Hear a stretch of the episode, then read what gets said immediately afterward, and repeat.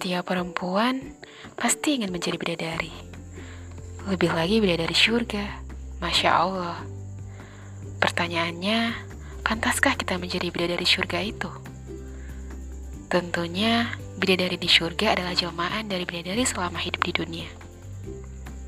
Ya, seorang ustazah pernah berkata, Syarat mutlak menjadi bidadari di bumi sebelum menjadi bidadari di akhirat adalah dengan menjadi hamba Allah yang solihah.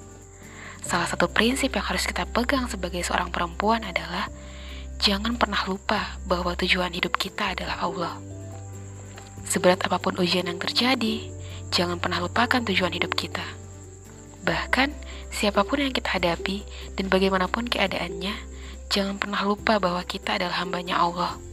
Sebab, semua yang terjadi dalam hidup ini adalah skenario dari Sang Maha Kuasa. Allah adalah penulis skenario hidup kita. Maka setiap penulis berhak menulis apa saja yang dikehendakinya.